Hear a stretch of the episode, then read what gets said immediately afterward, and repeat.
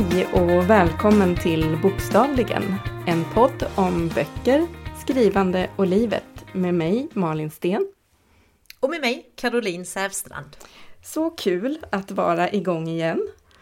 Vi har ju fått jättefin respons på första avsnittet och eh, ja, det känns verkligen roligt att sitta här igen. Ja men verkligen, jag har riktigt längtat till det här faktiskt. Ja, och vi har ju så spännande ämne idag tycker jag. Vi ska ju grotta ner oss i idéer. Var hittar vi våra idéer? Hur vet man att en idé är värd att satsa på? Är vi idésprutor även utanför författandet? Mm. Eh, det finns många frågor här, men eh, först vill jag ju höra vad du har haft för dig sen senast. Ja, men jag har ju eh, bland annat varit en runda uppe i Stockholm eh, på mitt förlag. Eh, vi skulle ha en workshop om ett eh, bokprojekt. Egentligen brukar jag ju inte jobba så. Eh, jag vet ju ganska lite om mina böcker när jag sätter igång. Jag vet lite grann om karaktärerna och kärnan och storyn och så, men jag liksom vet inte alls i detalj, utan det är sånt som får skrivas fram under tidens gång så att säga. Men den här gången hade jag liksom en ram jag hade en vag bild av karaktärerna och sen åkte jag upp till Stockholm och så satt vi liksom och och spånade och bollade och de ställde massa frågor till mig så att jag kunde gå ännu djupare ner i mina karaktärers varför. Ehm, det var faktiskt jättespännande. Jag kom ju hem superladdad och redo. Ja. Eh, och kände att jag liksom hade en eh, mycket starkare grund att stå på än vad man kanske vanligtvis brukar ha. Mm. Så det var riktigt, riktigt roligt. Sen har jag ju också jobbat klart med mitt eh, manus som ska ut i maj. Och det är ju sådär när man närmar sig deadline, jag vet inte hur det är för dig men av någon konstig anledning så kan jag sitta och liksom peta med mitt manus jättelänge och sen när det börjar närma sig deadline, då helt plötsligt är det som att allting bara känns jättefel och då börjar man liksom typ skriva om nästan varenda mening. Eh, och jag blir så trött på mig själv när jag gör så. Men samtidigt så är det kanske så proceduren är. Jag kanske inte liksom har något val, jag vet inte. Nej, du är inte ensam. Jag är, är precis likadan. Mm, jag, jag, tror det är väl det där när det börjar närma sig, att man får någon slags, man får kalla fötter och plötsligt ja, känns allting fel eller dåligt eller konstigt ja. och så vill man göra om. Och man hoppas ju att det i sin tur då leder till att manuset blir bättre. För det känns ju ofta så att en sån flipp i hjärnan leder sen till någonting bättre. Men under tidens gång där så har man ju lite lätt panik. Precis, precis. Ja, nej, jag, jag, jag förstår. Men det, ja. det är vad du har pysslat med i alla fall. Ja, det du, är det faktiskt. Du gör om mm. en massa. Jag gör om. Ja, ja. Eh, ja, nej, men vad har jag gjort då? Jag har ju ehm, Eh, faktiskt om man ska gå tillbaka lite till det vi pratade om i förra avsnittet, om att jag skulle bli lite mer easy going. Så, så har jag ju faktiskt eh, släppt en, en grej som jag gått och funderat på väldigt länge och bara tänkt att nej, nu gör jag det här. Så jag har fattat ett beslut som mm. har legat och malt väldigt länge, över ett halvår. Och eh, det känns lite läskigt men det känns samtidigt väldigt bra. Så att eh, ja. ja jag, jag, känner mig lättad faktiskt. Eh, och eh, för övrigt så har jag varit på en eh, liten bokfrukost i Lund. Jag har pratat om, eh, ja, pratat om eh, min, mina barnböcker eller framförallt mina mm. Luna och Liam-böcker för lite bibliotekarier och andra barnboksfolk mm. sådär. Så det var väldigt mysigt. Och annars så sitter jag på min kammare och redigerar mitt eh, tredje spänningsmanus och eh, har inte riktigt kommit till din fas än. Nej, precis, ångesten. Nej, utan jag, jag liksom puttrar på och jag trivs ganska bra och, och ja. fixar lite men ja, jag vet ju att det kommer bli det kommer bli ångest när det närmar sig deadline. Ja, det hör till. Mm. Det hör nog till. Mm. Du, idag, som, precis som du sa, så ska vi ju prata om eh, eh, idéer. Vi har ju bestämt oss för att liksom ha ett litet tema i varje avsnitt som utgår från skrivprocessen. Eh, så idag är det ju dags för idéer. Mm, kul! Kul, kul! Ska vi köra igång? Ja, men det gör vi.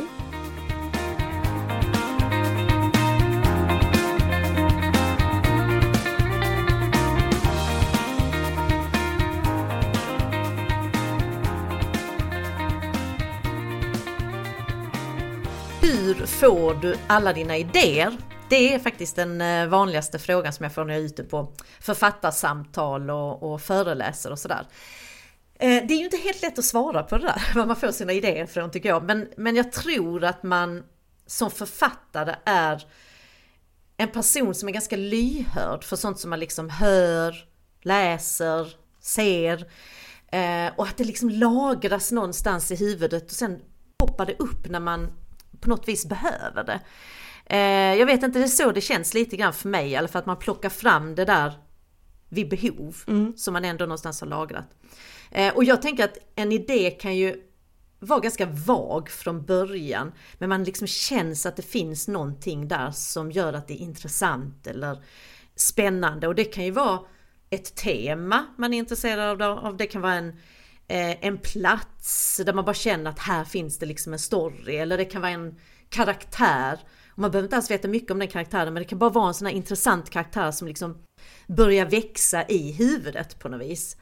Eh, och i slutet av programmet så kommer vi ju ge lite olika skrivtips när det gäller just idéer. Det är lite kul för den som då eh, själv är lite sugen på att skriva och sådär. Men jag tänkte först höra, jag är ju supernyfiken på hur du får dina idéer.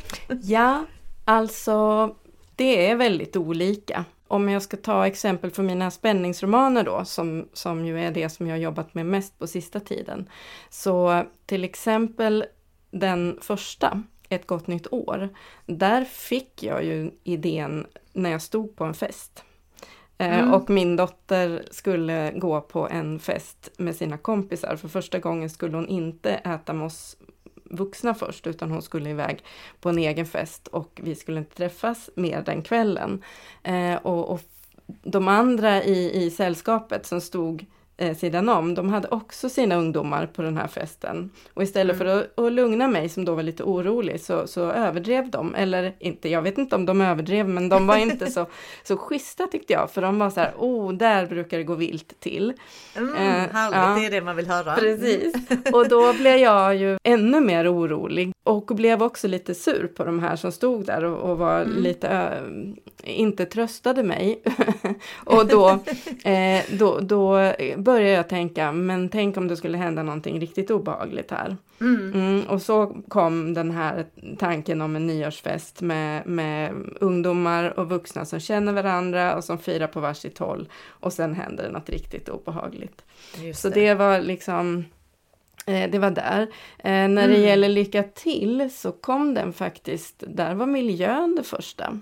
För jag var mm. på besök på Örenäs slott, gick runt i parken där. Eh, och min man och jag, det var en fin sommardag och vi, vi gick där och så plötsligt så kom det en kvinna med en, en harpa släpandes mm. på. och eh, det är inte så vanligt. Och då Nej. blev jag sådär, och så förstod vi efter ett tag att, att det skulle vara ett bröllop i parken.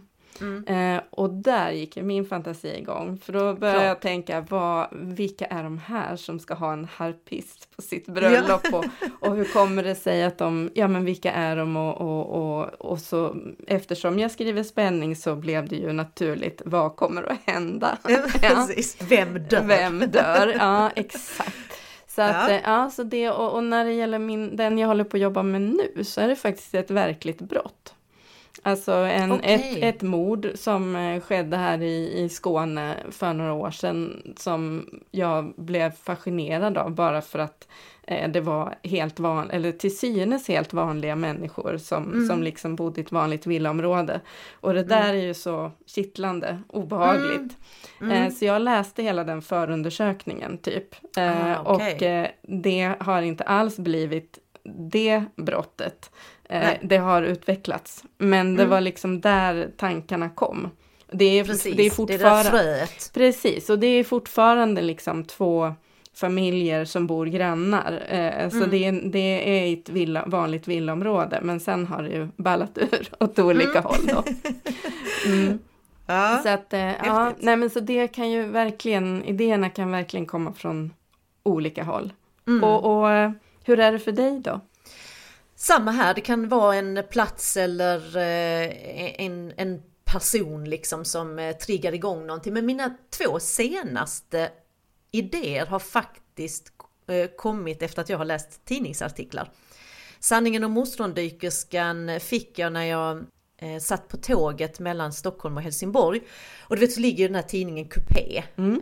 där framme i facket. Och jag brukar aldrig läsa den tidningen men precis just den tågresan så tog jag upp tidningen och började bläddra. Och där var det en, eh, en artikel med rubriken Skandinaviens enda kvinnliga ostrondykerska.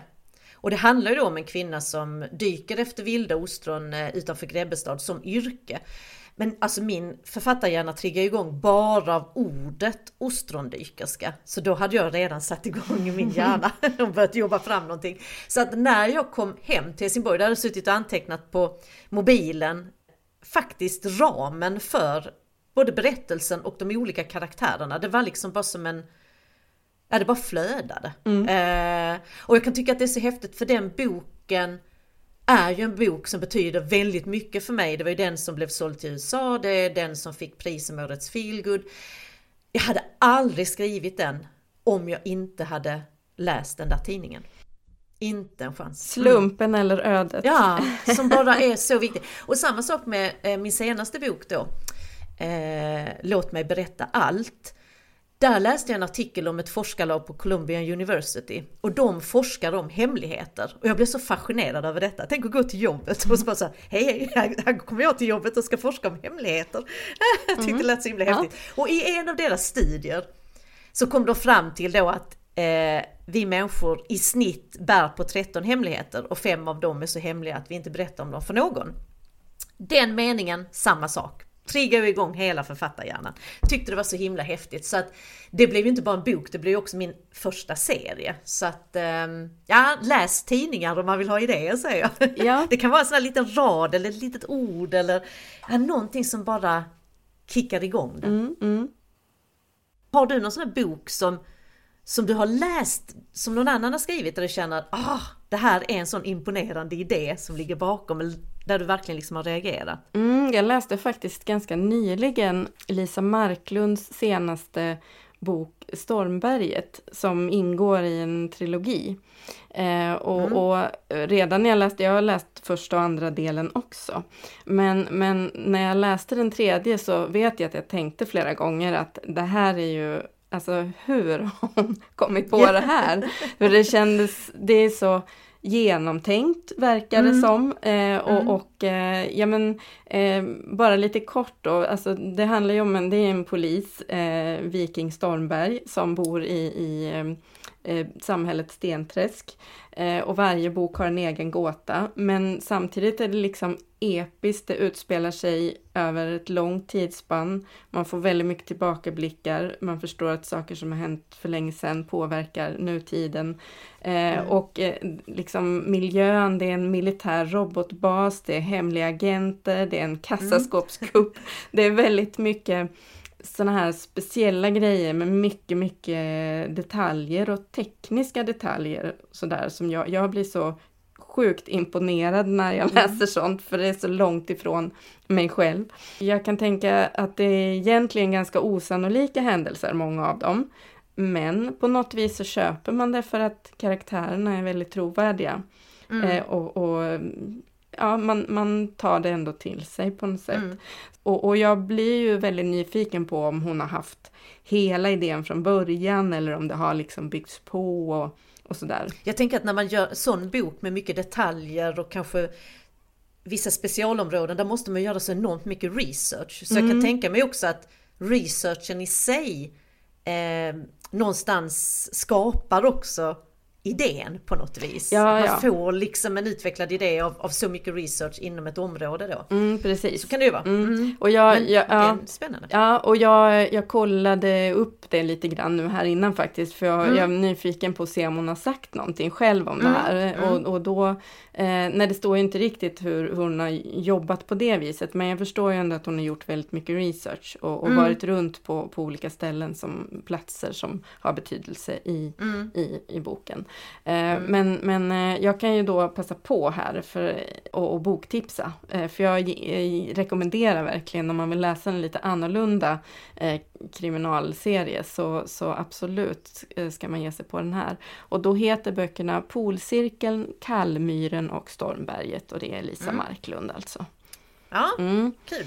Jag köpte ju en bok faktiskt på grund av idén. Jag har inte hunnit läsa den än men jag vet att du har läst den ja. faktiskt. Den heter ju Daisy Jones and the Six. Just det.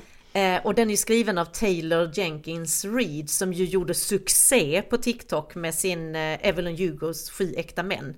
Som jag tyckte jättemycket om. Mm. Eh, och den här boken eh, om Daisy Jones har ju också blivit serie har jag sett. Men har du sett den? Nej, den har jag inte sett. Nej. Ehm, och det här den här boken ska liksom vara någon form av ett ikoniskt porträtt skriven liksom som en klassisk så här rockdokumentär över då ett av 70-talets största band eh, om dess uppgång och fall. Mm. Eh, och det tyckte jag, för det första tyckte jag att det var en sån fräsch, rolig idé. För ofta läser man lite samma typ av idéer, men den här stack liksom ut lite grann. Dessutom är det så att hon har ju haft en idé kring hur hon formar boken. Så den har ju inte de här långa eh, berättande textavsnitten på det sättet som en vanlig bok har utan hon har ju byggt upp hela boken i form av intervjuer med bandmedlemmarna. Just det. Ett kul grepp. Mm, mm. Roligt, ja. en rolig idé, ja. annorlunda idé och jag tycker det är så häftigt att hon vågar liksom mm, mm. göra någonting, ja, göra någonting lite annat. Sen har jag läst en bok ganska nyligen som heter Pendlarsällskapet. Den handlar om ganska olika personer som alltid sitter nästan på samma plats i ett sånt där pendeltåg i London. Det är ju så man gör, man sätter sig ungefär där man brukar sitta och man pendlar alltid samma tid. Eh, man pratar aldrig med varandra förrän en av de här personerna sätter en vindruva i halsen. Då får han hjälp av två av de andra personerna. Eh, och det är liksom startskottet till en rad händelser som gör att ja, men deras liv kommer att förändras totalt då. Eh, ett lite kul exempel på en ganska enkel idé, mm, men som mm. kan bli verkligen en, en hel bok som man absolut inte vill släppa och måste läsa färdigt bara. Det betyder väl lite grann att en idé måste inte vara jättespeciell. Nej, och avancerad och, och liksom, eh, för det tror jag är en vanlig grej när man börjar skriva eller är intresserad av att skriva så tycker man, nej men den här idén har inte, all, har inte tusen stycken skrivit om precis just det här. Jo men det kan ju hända att man faktiskt har det, men det handlar om att du kommer lägga din, sätta ja. din prägel på det och du kommer bygga din historia och dina karaktärer och man kan alltid knö till detaljer så att det ändå blir ens mm. egen historia. Så man ska inte vara så rädd för det där kanske med att en, en idé måste vara Nej. helt ny. Utan du gör ju Jag den tänker till en att i grund och botten så kan man nog inte, man kan nog knappt komma med en helt ny idé. För det känns som att det mesta redan är gjort. Utan det handlar om att göra det till sin, sin grej. Exakt. Jaha, och vi som då lever med att jobba med ja. idéer.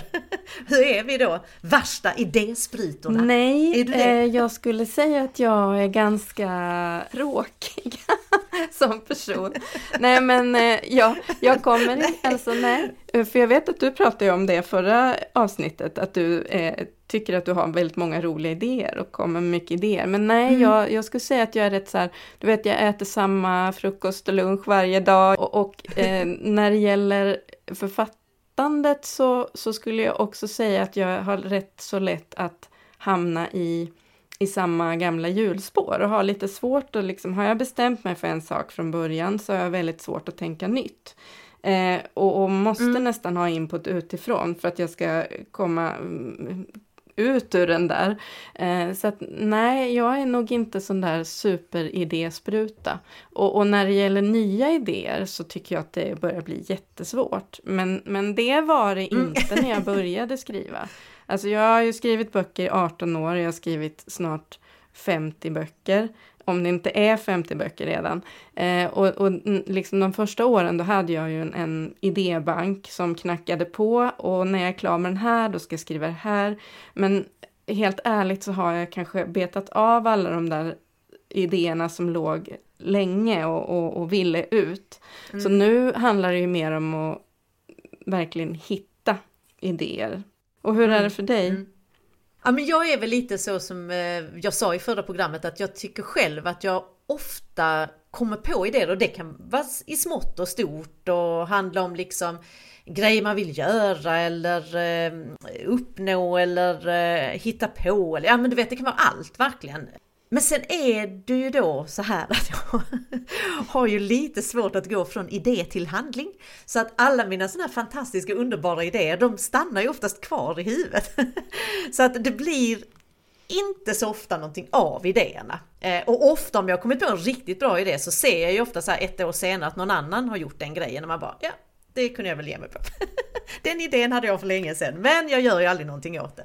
Eh, så att det är väl lite så det är. Och det är väl kanske det som är det sköna med att skriva böcker tänker jag ändå. För att de idéerna som man har i en bok ser man i alla fall till att, gå i mål med. Och den känslan är ju så himla härlig. När du har skrivit ditt mm. första råmanus och bara vet att nej men, det kommer bli en bok. Jag fixar det denna gången mm. också. Det är en väldigt häftig känsla. Så att det är roligt. Så där får jag gå, gå loss på mina idéer och samtidigt nå i mål med idéerna och det är ju skönt. Ja, just det, just det. Du, eh, har du hört det här? Jag läste ju en, en artikel för ett tag sedan. Eh, jag vet inte hur jag ramlade på den, men den är, har några år på nacken. Mm. Men den handlar om det här med kreativitet. Mm. Och det tråkiga är ju då att, att eh, enligt forskning så har man sin kreativa peak när man är 25 år. så egentligen så är det helt kört för oss. Var för Vi behöver inte ens försöka. Nej, fast det som är lite positivt positivt då, för att det här var ju det var, jag tror att det var The Guardian som hade samlat forskning ja. på det här och det var, handlade inte bara om kreativitet utan det handlade om andra saker också. Men, men då var det faktiskt så att, att den här artikeln avslutades ändå i dur därför att eh, eh, om man såg till Nobelpristagare så hade de haft sin storhetstid när de var 59. Så att där har vi ändå oh, någonting att se fram emot. eller hur? på oss att skapa den romanen. Ja, det kan ja, väl ändå roligt. vara härligt att tänka på. Och jag tänker ändå där att jag vet, jag har ju också läst, förr läste jag mycket om det här med liksom kreativitet och hur man boostar kreativiteten och hittar lite idéer och sådär. Och visst är det väl så, jag tänkte nu när du sa det här med att du är en sån här lite vanemänniska som gärna äter samma frukost och samma lunch och lite så, har lite dagen lite på samma sätt. Det är just det som är knepet för att kicka igång kreativiteten som sen leder till helt nya idéer. Det är väl att man just bryter mönster. Och det kan ju mm. vara en sån här enkel grej som att man faktiskt äter någon helt annan frukost eller går en helt annan väg om man skulle gå till ett visst ställe och så vidare och så vidare.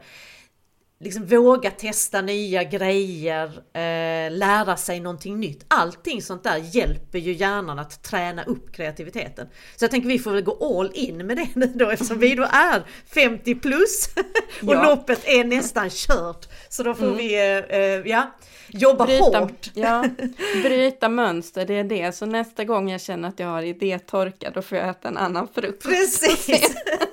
och det hjälper. som händer. Mm. Ja, men eh, så kan det nog faktiskt vara. Är det bara så lätt så känns det ju ändå eh, som att vi kommer nå det där Nobelpriset när vi är 59. Då kommer vi in på sista delen här nu då och det handlar ju om hur vi jobbar med en ny idé rent konkret i skrivandet. Eh, jag tänkte att du kan få börja Caroline. Hur gör du? Ett sätt kan vara att man jobbar liksom med en liten hisspitch. Mm. Eh, en hisspitch, alltså själva begreppet kommer ju från affärsvärlden och handlar ju då om att man ska kunna sälja in en idé så snabbt som det typ skulle ta för en hiss att ta sig från en övre våning ner till bottenplan.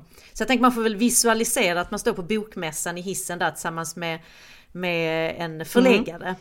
Favoritförläggaren och så ska man ju då kunna berätta om sin idé snabbt och lockande. Eh, och den behöver bara vara på några liksom, meningar till en början. Men ska ju då kanske innehålla eh, vem, eh, var, vad, så kan man svara på de frågorna på ett sätt som känns lite wow sådär. Då, eh, då har man liksom en bra början.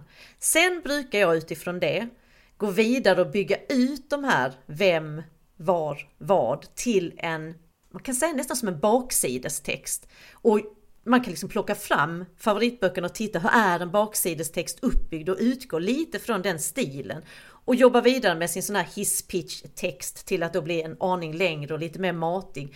Här ska man absolut inte säga allt, men man ska säga någonting som får det att bli lockande och spännande oavsett genre, om det så är spänning eller om det är feelgood. Ehm, och sen har man då den baksidestexten och att den känns, det här vill jag läsa. Jag vill veta mer. Nu vill jag liksom bara gå in i den här storyn. Då tycker jag att man kan vara relativt säker på att man faktiskt har en idé som kommer hålla för en hel bok på 300 sidor. Det handlar egentligen bara om att utgå från den och, och få den att sprida ut sig. Och när jag pitchar mina idéer till förlaget så brukar det aldrig vara mer än max en sån här baksidestext.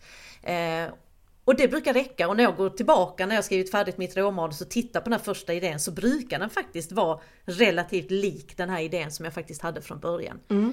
Eh, så att det kan vara ett, eh, ett tips att man har man sin idé och man inte riktigt vet var man ska börja bena ner det till den här lilla, lilla hisspitchen först tills den sitter och gå vidare sen till kanske en baksidestext och när den sitter, sätt igång. Mm, mm.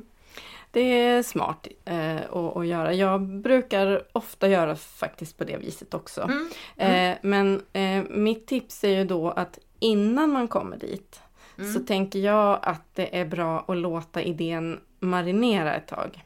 Mm. Alltså att man inte börjar hisspitcha och skriva synopsis Nej. och grejer direkt därför att eh, det, jag tror att det är en bra så här, värdemätare att gå och ha mm. det i huvudet för om man glömmer bort det så är det nog så att det inte är så bra. Precis! Medan eh, om det sitter där och, och petar hela tiden då är ja. det nog någonting som ändå är, är intressant och då ska man köra.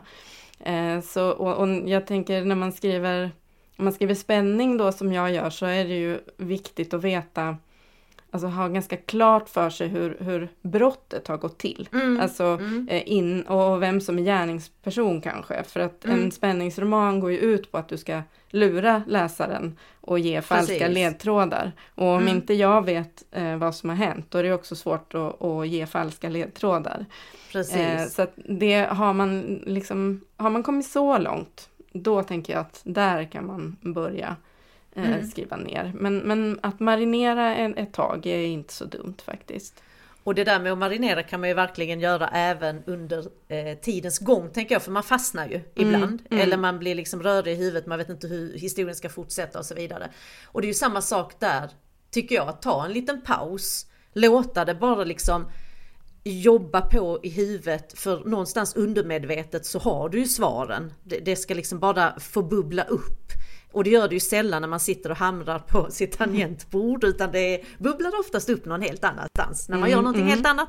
Så att, eh, och då får man bara ta den där pausen och liksom låta det gå i huvudet lite grann. Mm. Eh, så kommer det komma lösningar på problemen. Precis. Eller gå ut och gå, ja, det är eller, suveränt. Exakt, och jag tänker lite grann att det är också bra det här med att göra en hisspitch som du pratade om därför att eh, jag kan ibland eh, om jag skrivit en halv roman så kan jag mm. bli så här, vad håller jag på med egentligen? Ja, vad är det den handlar om? ja, och då är det faktiskt inte så dumt att gå tillbaka om man nu har en sån här Nej. liten baksidestext för, ja. för då, om man nu råkar ha glömt vad det är man håller på med, så kan man bli påmind om det. Det är, det är konstigt att, det låter väl konstigt att man kan glömma, men det är ju ofta väldigt många trådar i en, en, en roman och det kan vara, eh, det kan lätt bli så att man eh, tappar huvudfokus. Mm. Precis, för jag tänker att i den här korta beskrivningen som man då, om, om den sitter från början så att säga, det är ju kärnan. Mm. Och det är ju därför det är så bra, för sen spretar det ut åt alla håll och kanter såklart när man skriver, men att, att man går tillbaka det är ju för att man går tillbaka till själva kärnan. Ja. Det är detta som är grejen mm. och det är därför det funkar. Mm. Precis. Fler tips då, vad skulle man mer kunna tipsa om? Eh, jag tycker ju att det kan vara bra jag sa ju det innan lite grann det här med att var kommer idéerna ifrån? Ja men det är ju mycket det här man ser och hör och läser. Det kan ju vara en, en liten detalj i en tv-serie eller vad som helst. Och det är ju bra att liksom samla sina idéer, ha liksom en idéskatt på något vis. Fullt med idéer, sånt som man bara tycker har varit intressant eller annorlunda eller som man bara reagerat på av en eller annan anledning. Eh, och gärna skriva ner det. Jag är lite dålig på det själv faktiskt. Jag har det mesta i huvudet. Men jag tänker alltid att jag ska bli bättre på det. För att jag tänker också att alla de där idéerna man faktiskt får, de tappar man ju lite grann på vägen. Och sen när man väl har samlat alla sådana idéer, man kan ju ha en hel hög av idéer. Det är klart att man inte använder mer än kanske ett par stycken av dem. Sen det, de flesta idéerna kommer ju bara vara kvar i den där idélådan liksom, eller vad man nu har för någonting. Men det gör liksom ingenting för att det räcker med att man har en Mm. fantastisk idé av de där. För det kan ju då bli boken. Ja. Mm. Eh, ja, precis. Nej, men och jag tänkte som, som eh, sista tips här då, det är ju att jag ska motsäga mig själv lite grann. För att Ja. när jag då säger att man ska marinera så tänker jag att ett annat tips kan ju vara att faktiskt börja skriva.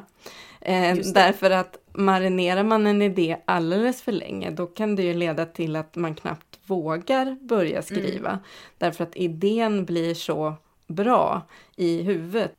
Man vet ju att när man börjar skriva så blir det ju ett vanligt bokmanus. Mm. Då är det inte längre den där fantastiska idén, utan då Nej. är det tecken på eh, ett papper och, och, och du kommer inte ifrån allt det där jobbet du måste göra. Men Mm. när det bara existerar i, i ditt huvud så kan det ju skimra verkligen. Eh, och, och, och därför tänker jag att mm, man ska inte gå för länge heller, utan Nej. det är bra att bara våga köra på. Eh, för det är ju ändå så att mm, visst, det är ett vanligt bokmanus, men när du Mm. har vaskat fram guldet så kan det Mm. ju bli något som är riktigt bra. Ja, men det där var väl ganska matnyttiga tips, tycker jag. Verkligen! Mm. Ja, och sen så eh, vi kommer ha vi kommer sprudla av idéer eh, nästa gång vi Ja. spelar in eftersom du nu kommer äta ny frukost varje dag. Ja! det är nu det händer. Det är nu, Det är nu det det är händer! nu min idébank kommer fyllas på. Så det Oh, bara yes. rasslar om det. Ja, Precis. men du, eh, nästa gång ska vi ju prata om miljö. Eh, Ja, det här spännande. med vad platsen betyder för en bok Mm. och hur man rent konkret kan utnyttja miljön på olika sätt i skrivandet. Mm. Eh, Så det ska ju också bli kul att eh, Mm. ta tag i. Men eh, fram till dess kanske vi ska, ska vi säga hej, tack och hej? Ja, vi ja, säger tack och hej och eh, återgår till det här härliga redigerandet. ja vi gör det. Ha det bra Malin! Detsamma, hej då! Hej, hej!